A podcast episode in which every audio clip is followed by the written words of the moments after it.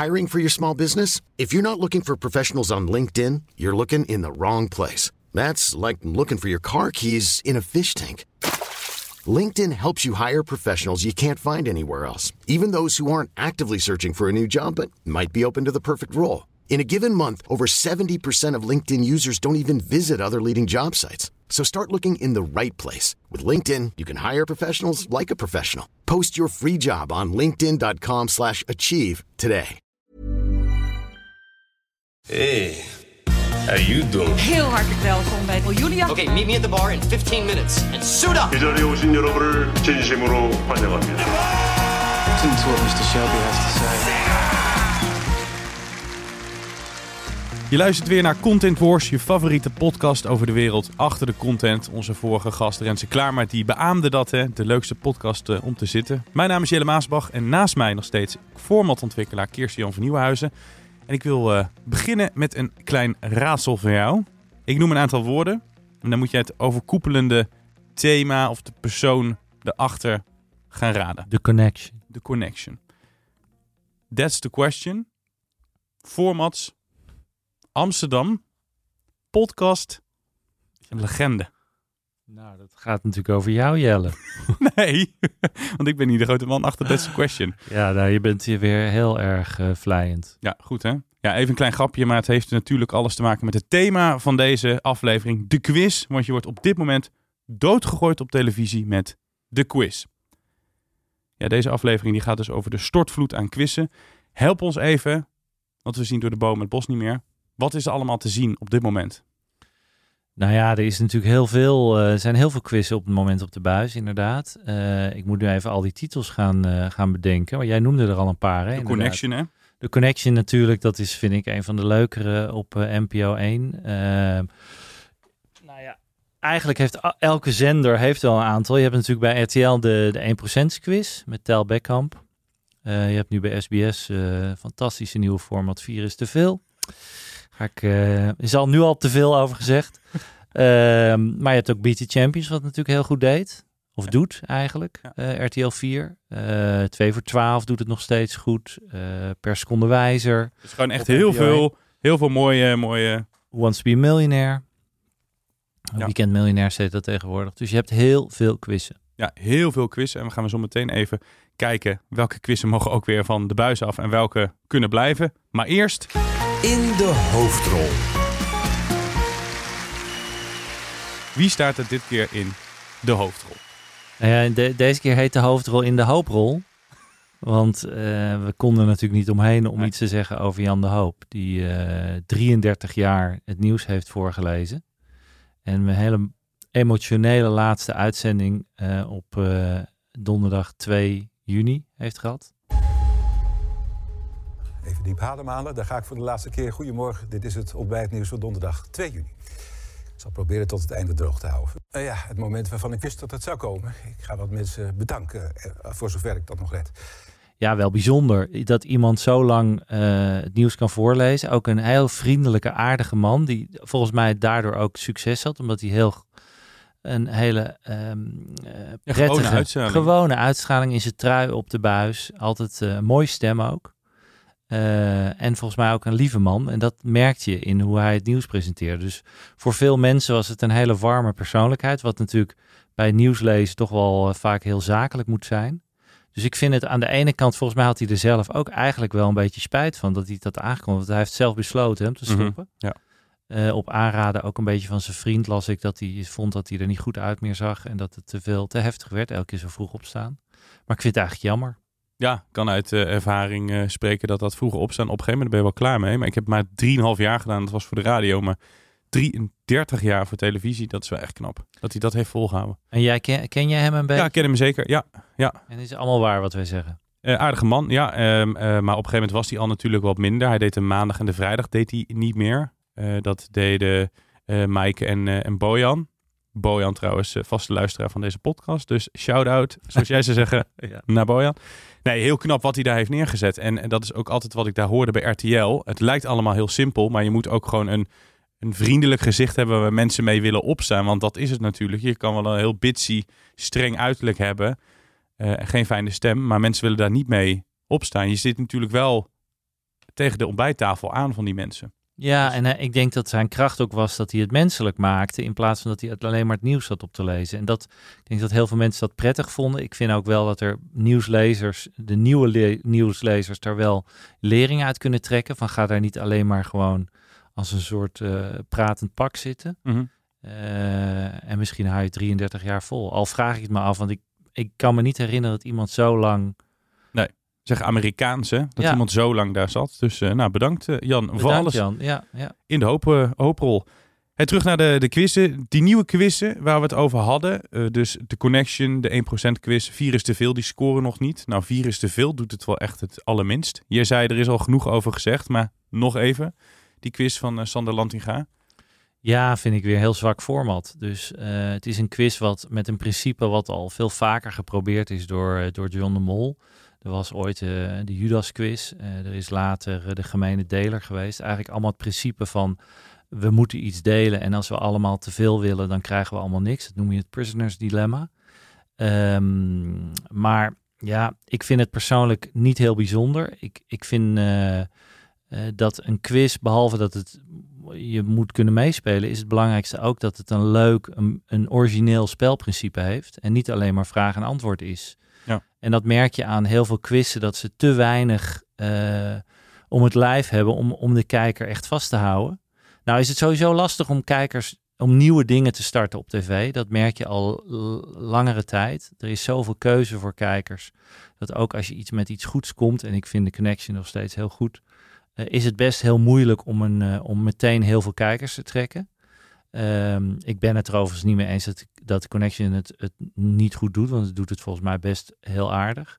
Maar niet meteen een miljoen, anderhalf miljoen, eerste aflevering wel een miljoen, maar anderhalf miljoen kijkers is gewoon lastig. Ja, precies. Eh, maar misschien waren de verwachtingen gewoon hoog gespannen omdat zo'n icoon als Matthijs van Nieuwkerk Ja. eh, dat doet. Oké, disclaimer, je hebt in het team gezeten dat het heeft gemaakt. Dit is van die drie quizzen, vind ik het het tofst. En we komen zo meteen bij die 1% quiz. Maar bij de Connection dacht ik wel, poeh, ik moet wel even aan de bak. Het is alsof je huiswerk moet maken. Het is Ja. niet eh, even een instapquizje. Nee, klopt. En dat is ook wel een beetje de keuze geweest dat, we, dat er gekozen is om een niet een hele makkelijke quiz te maken, maar gewoon echt een quiz waar je, net als de slimste mens, waar je wel wat voor moet doen. Ehm, maar het- ik denk dat het leuke, wat ook bij de Connection geldt, maar ook bij andere goede quizzes, is dat er meer lagen in zitten. Dus dat het niet alleen maar vraag-antwoord, vraag-antwoord, maar dat je ook zoekt naar een tweede element of een derde element. En bij de connection is dat hè, een connectie zoeken en aan het eind, gedurende de hele quiz, kan je al zoeken naar het eindwoord. Wat mensen ook doen. Op Twitter zijn er mensen die na een half uur al het eindwoord hebben. Ehm, maar ik denk dat de meeste goede quizzen, zijn altijd wel uitzonderingen op de regel, die tweede of die derde laag hebben, waar je naar eh, iets anders op zoek bent. En dat maakt een quiz zo, eh, een, een goede quiz, eh, dat is belangrijk. Een quiz, by the way, is ongeveer een van de moeilijkste formats om te bedenken. Dus mensen denken altijd dat een quiz, als, als ze het zien en het is eenvoudig, dat, dat je dat zo bedacht hebt. Maar eigenlijk is de, het Uber-format is een quiz. Met alle spelregels. En een goed, goede quiz zit als een soort uurwerk in elkaar. Dat als je één elementje verandert, dan valt die quiz, stort die quiz in elkaar. En een quiz kost ook heel veel tijd om te ontwikkelen. Een goede quiz dan, hè? Ehm, waarbij ik bijvoorbeeld ook vind dat de details belangrijk zijn bij een quiz. En de grap is toen wij That's the Question ooit bedachten, eh, dagelijks quizje, eh, toen hadden wij drukknoppen. Hè. Mensen speelden met een drukknop als ze het antwoord wisten. En normaal gesproken he- heeft dat een belletje of een tutertje of wat dan ook. En toen hebben Mark van Berkel en ik hebben gedacht, we moeten daar iets anders voor bedenken. En daarom vind ik details, hè, God zit in de details. Toen hebben we gedacht, als we iemand op dat eh, knopje drukt, dan hoor je iemand zeggen, question. Ehm, dus elke keer als iemand drukte, hoorde je question. En de grap was, wij werden gebeld na een paar jaar door een Amerikaanse producer. Die zei, ik heb jullie quiz gezien. En wij dachten, hoezo heb je onze quiz gezien? Het bleek dat hij in, in het Hilton Hotel eh, verbleef voor een documentaire in Amsterdam. En die had die tv aanstaan om zes uur s'avonds, half zeven, toen uh, That's Question op was. En die begreep het Nederlands helemaal niet, maar die hoorde af en toe een stem zeggen, question. En op een gegeven moment intrigeerde hem dat en ging hij naar die quiz kijken. En toen, toen begreep hij wel dat het eigenlijk best wel een hele leuke quiz was. En dat heeft uiteindelijk ervoor gezorgd dat wij drie seizoenen in Amerika op de buis waren. En waarmee ik bedoel te zeggen, God zit in de details. Dus in zo'n klein detailtje kan dus zorgen dat je uiteindelijk je show naar het buitenland gaat. Wat een grappig verhaal. Ja, dus, maar goed, ik vind dus nog steeds goede quizzen, is goed over nagedacht. Eh, zit, alles moet een reden hebben, alles moet kloppen, vind ik. En het moet meer hebben dan alleen maar ik stel jou een vraag en Mhm. eh, eh, antwoord geeft geld of punten. Ehm, en dat vond ik ook wel grappig. Er werd, er was natuurlijk wat kritiek op Connection en Matthijs, onder andere door Angela de Jong. Ehm, waarin zij zei, eh, maar dat is eigenlijk niks voor Matthijs, want quizmasters zijn inwisselbaar. Daar ben ik het dus niet mee eens. Nee. En een goede presentator, een goede quizpresentator, is echt, dat is echt lastig. Dus het is, mensen denken altijd dat het heel makkelijk is om een quiz Ja. te presenteren, maar dat is niet zo. Ik vind Matthijs wel de beste interviewer die we hebben. Eh, die wist echt van een middle of the road onderwerp, wist hij echt een Champions League Ja. onderwerp te maken. Maar ik vind, hem wel, ik vind het wel lastig om hem daar in een quiz te zien. Ook met zijn eh, natuurlijk wel Zijn uitgebreide statuur. Ja. Ja. Ja, nou ja, kijk, eh, Matthijs is, heeft heel veel interesses. Dus die vindt het heel leuk om een muziekquiz te maken, wat hij natuurlijk al heel lang doet. Die, die houdt En goed doet. zelf en heel goed doet. Eh, die houdt van quizzen, ook gewoon van, van een quiz à la The Connection. Dus die vindt dat heel leuk om dat ernaast te doen. En die maakt ook een, hè, de Pop 22 popprogramma. Ehm, eh, dat doet hij heel goed allemaal. Eh, maar inderdaad, mensen zijn gewend dat Matthijs een soort talkshow-achtig ding Ja. doet. Maar in Engeland is het heel normaal dat, dat eh, grote presentatoren verschillende dingen doen. Wij in Nederland vinden dat wat moeilijker. Ehm, maar hij vindt het gewoon heel leuk om te doen. En ik vind dat hij het heel goed doet ook. Lekker op zijn losse manier. Ehm, en hij snapt ook hoe het werkt. En dat is wat ik zeg. is Het lijkt een stuk makkelijker dan het is om een, om een quiz te presenteren. Ja, maar nu weten we dus eh, waaraan een goede quiz volgens jou moet voldoen. Ehm, deze drie quizzen die we net eruit pikten, die nieuw zijn, die volgens eh, kenners niet aan de verwachtingen voldoen. Nou ja, als de connection rond een miljoen zit, is het echt wel netjes. Ehm, maar vanaf wanneer gaan die andere, gaan die andere twee nog scoren? Dus de connection weten we nu wel, als ik zo op jou afga, dat gaat het hem wel worden. Maar die 1% quiz en die 4 is te veel, gaat dat hem worden? Nou, eh, om te beginnen met de laatste gaat hem niet worden. Dat, dat weet ik nu al. Dat format is te zwak. Eh, de 1% quiz is een Engels format. Eh, en dat was in Engeland best wel een succes. Het ziet er ook prachtig uit, moet ik zeggen. Een hele grote set met heel veel kandidaten. Ik denk dat een van de problemen van de 1% quiz is dat er veel te veel kandidaten zijn. En een van de dingen bij een quiz is dat je je moet gaan identificeren met de kandidaten. Je moet hem het gunnen om te winnen, of juist niet. Dat is ook goed. Maar je moet iets hebben met die kandidaten. En de meeste quizzen waar heel veel kandidaten zijn, die werken niet, omdat mensen gewoon geen binding krijgen. En dat merk je ook een beetje bij de 1% quiz. Er zijn natuurlijk wel weer uitzonderingen op de regel, maar bijvoorbeeld 1 tegen, eh 1 tegen 100, wat nu 1 tegen 50 is, zegt men, ja, heel veel spelers. Nee, is één speler. Ja. Die speelt tegen heel veel mensen. Eh Weakest Link waren 10 mensen, maar daar ging het natuurlijk heel erg om de presentator, die een soort count was.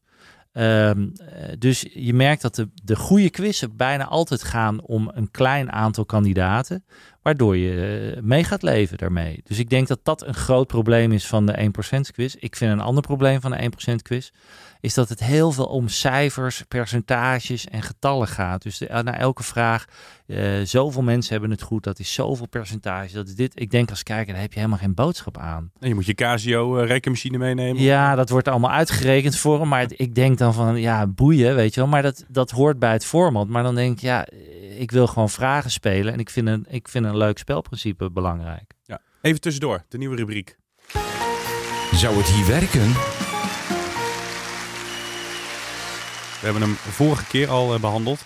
We pikken een format van het buitenland uit en dan kijken we, werkt het hier? Nou, je kon het niet mooier net zeggen, dat je als Amerikaan in een hotelkamer in het Amstel zit, je tv aanzet en dan de creatie van Kirstian van Nieuwenhuizen hè, op de buis ziet. Zo makkelijk kan dat gaan. Of je kan deze podcast luisteren en afgaan op onze tips. Hè? Formats die wij uit het buitenland eruit halen. Ja. Ik wilde zelf één meenemen. En dat is eigenlijk niet de tip van mij, maar van mijn vriend. Slippery Stairs. Eh, waarvoor dank. Eh, dat is dus echt grappig. Dat zijn Japanners die moeten een soort van ijstrap omhoog zien te, zien te Ja. komen. Ja, typisch Japans. Gladde trap van ijs. Nou, die donderen natuurlijk er voortdurend van af.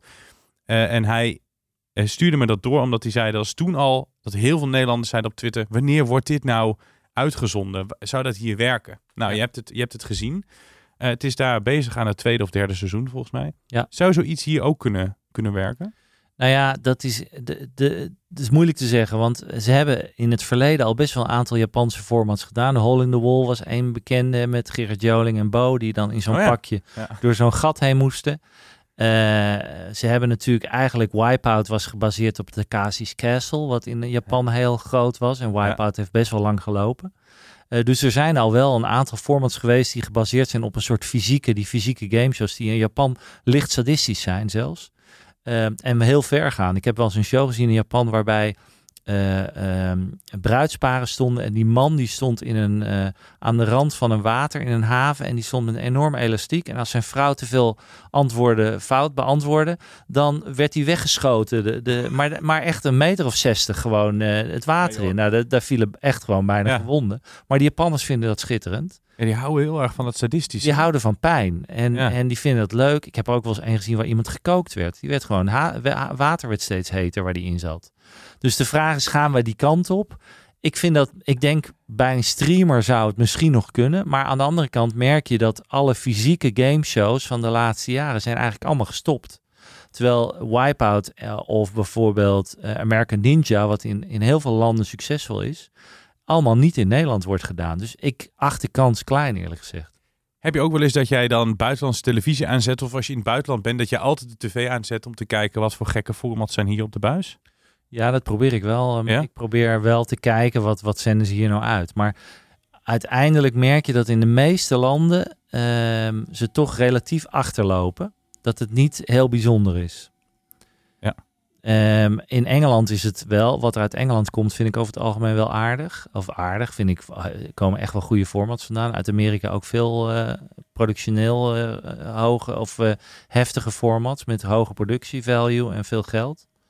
Um, maar als je kijkt naar Frankrijk of Italië of Spanje, dat is zo'n andere cultuur. Dat is niet heel snel dat je denkt fantastisch. Oké, nee, ik dacht even kijken waar ik naartoe ga op vakantie. Misschien kan ik jou nog aan formats helpen, maar dan... Uh... Nou ja, wat een, een goede formatmaker natuurlijk soms ziet, is dat hij een elementje ziet en denkt van, hé, hey, dat, daar zou ik wat mee kunnen.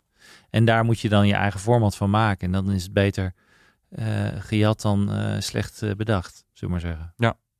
Als we het nog even hebben over de toekomst van quizzen. Hoe lang gaan we daarmee door? Oneindig op televisie? Ja, ik denk het wel. Want quizzen zijn eigenlijk... Uh, vanaf het begin waren er altijd quizzen. En nu nog steeds. Ik denk wel nu wat veel, merk ik. Maar ik hoor ook alweer dat er heel veel nieuwe quizzen ook weer in productie zijn. Dus ze blijven komen. Zenderbazen hebben toch het idee dat, dat er nog altijd appetite is voor quizzen. Um, en uh, de vraag is steeds van verzin je weer iets bijzonders, iets leuks, waardoor, uh, waardoor mensen toch weer gaan kijken. Dat is de uitdaging voor, uh, voor de formatontwikkelaars. Maar we hebben het natuurlijk de hele tijd over quizzen die we zien. Nou ja, slimste mens haal je net aan. Of de Connection, dat is allemaal bij de NPO. Of je hebt Beat the Champions op RTL. Of die, die, die um, Vierste Veel op SBS. Het is allemaal op de televisiezenders. Ja. Gaan we ook meer de quizkant op, op de streamers? Of is dat misschien al dat ik het nog niet weet?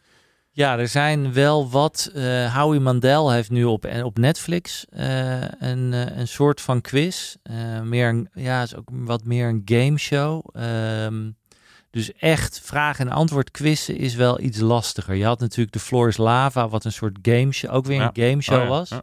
Niet echt een quiz. En quizzen zijn natuurlijk toch wel echt Q&A, dus vraag en antwoord.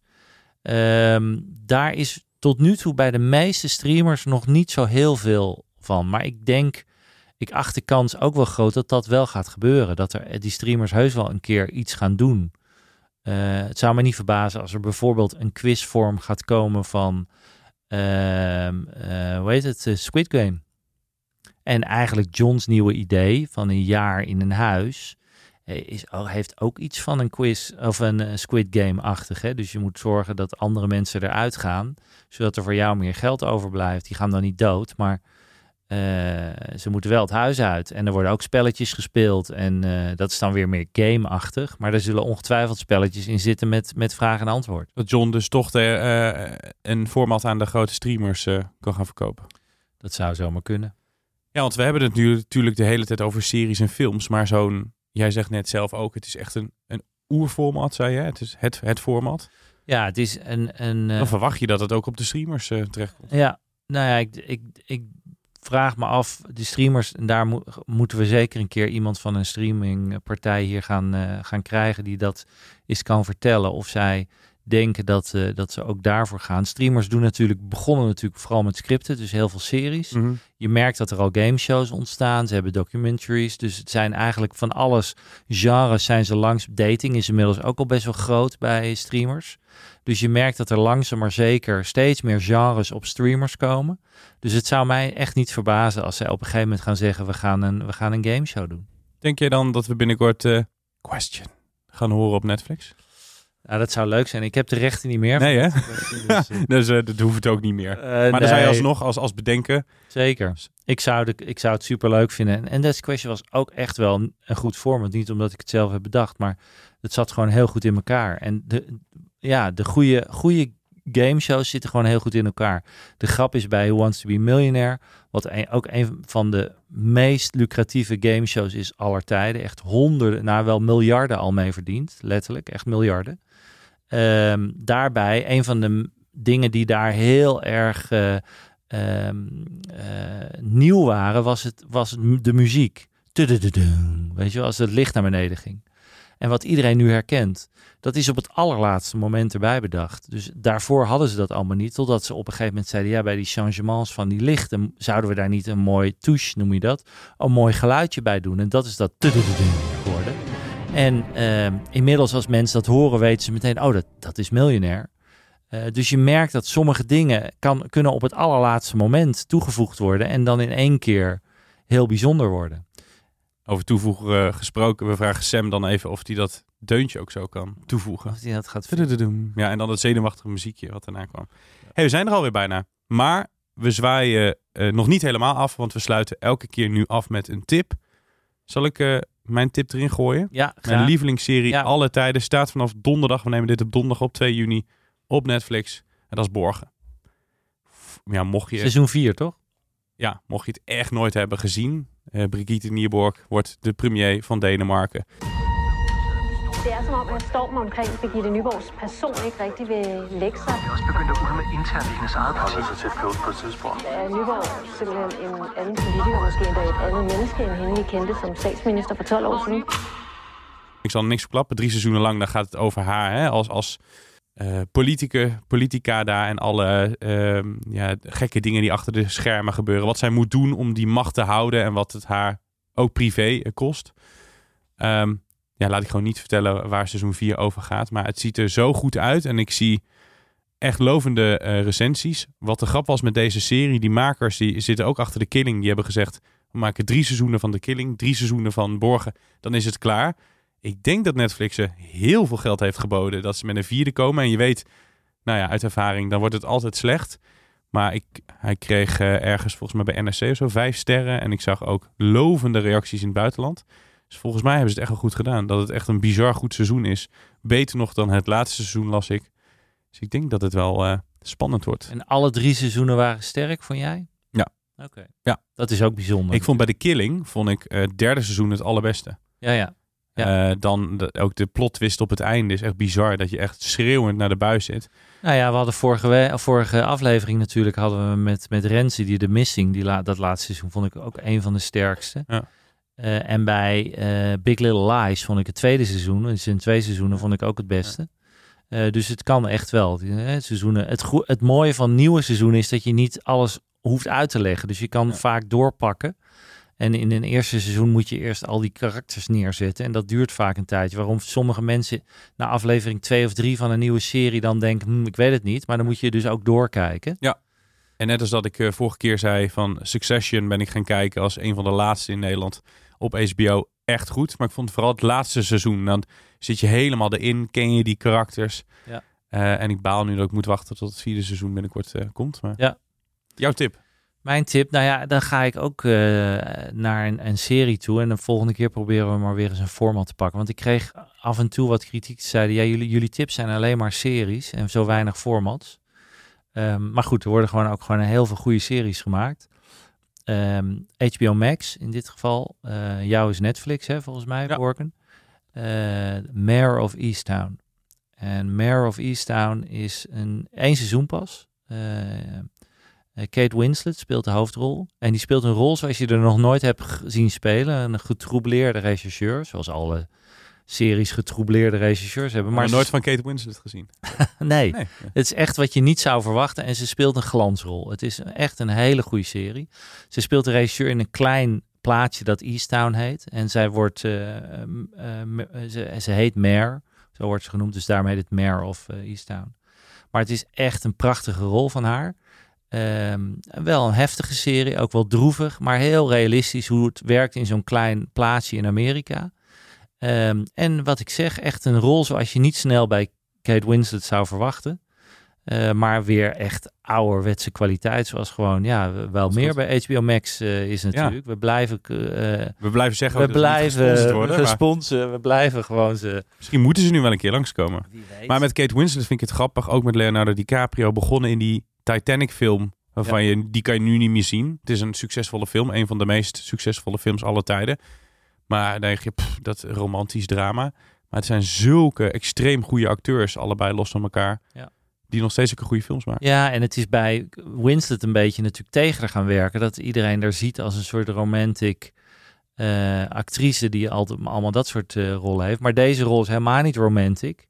Eh, ze is ook helemaal niet, ze speelt, ze kan lelijk spelen. Dus ze, ziet, ze ziet er niet heel aantrekkelijk uit. En het is gewoon, ja, het is echt een mooie rol. Ze wil hem ook graag voor een tweede seizoen doen. Ik zou, eh, ik zou ook heel graag een tweede seizoen willen zien ervan. Ehm, maar goed, het zijn twee topacteurs. DiCaprio heeft zichzelf ook wel een paar keer bewezen natuurlijk. Zeker. Nou, Wij moeten ons ook eh, gaan bewijzen. Want wij nemen dit bij eh Microphone Media op. En er is een borrel. En we kunnen dat nu wel zeggen. Want als deze wordt uitgezonden, dan is de borrel denk ik al eh, voorbij. Dus eh, liggen wij, liggen wij bij te komen. liggen wij bij te komen. Laten wij even aan het biertje gaan. Hey, ehm, eh, jij bedankt voor het luisteren. En eh, tot de volgende keer.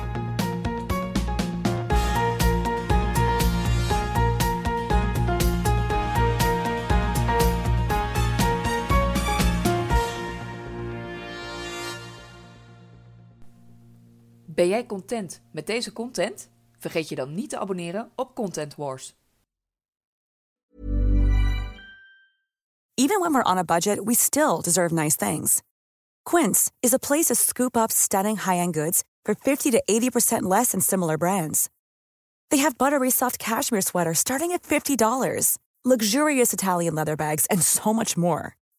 Plus, Quince only works with factories that use safe, ethical, and responsible manufacturing. Get the high-end goods you'll love without the high price tag with Quince. Go to quince.com slash style for free shipping and 365-day returns.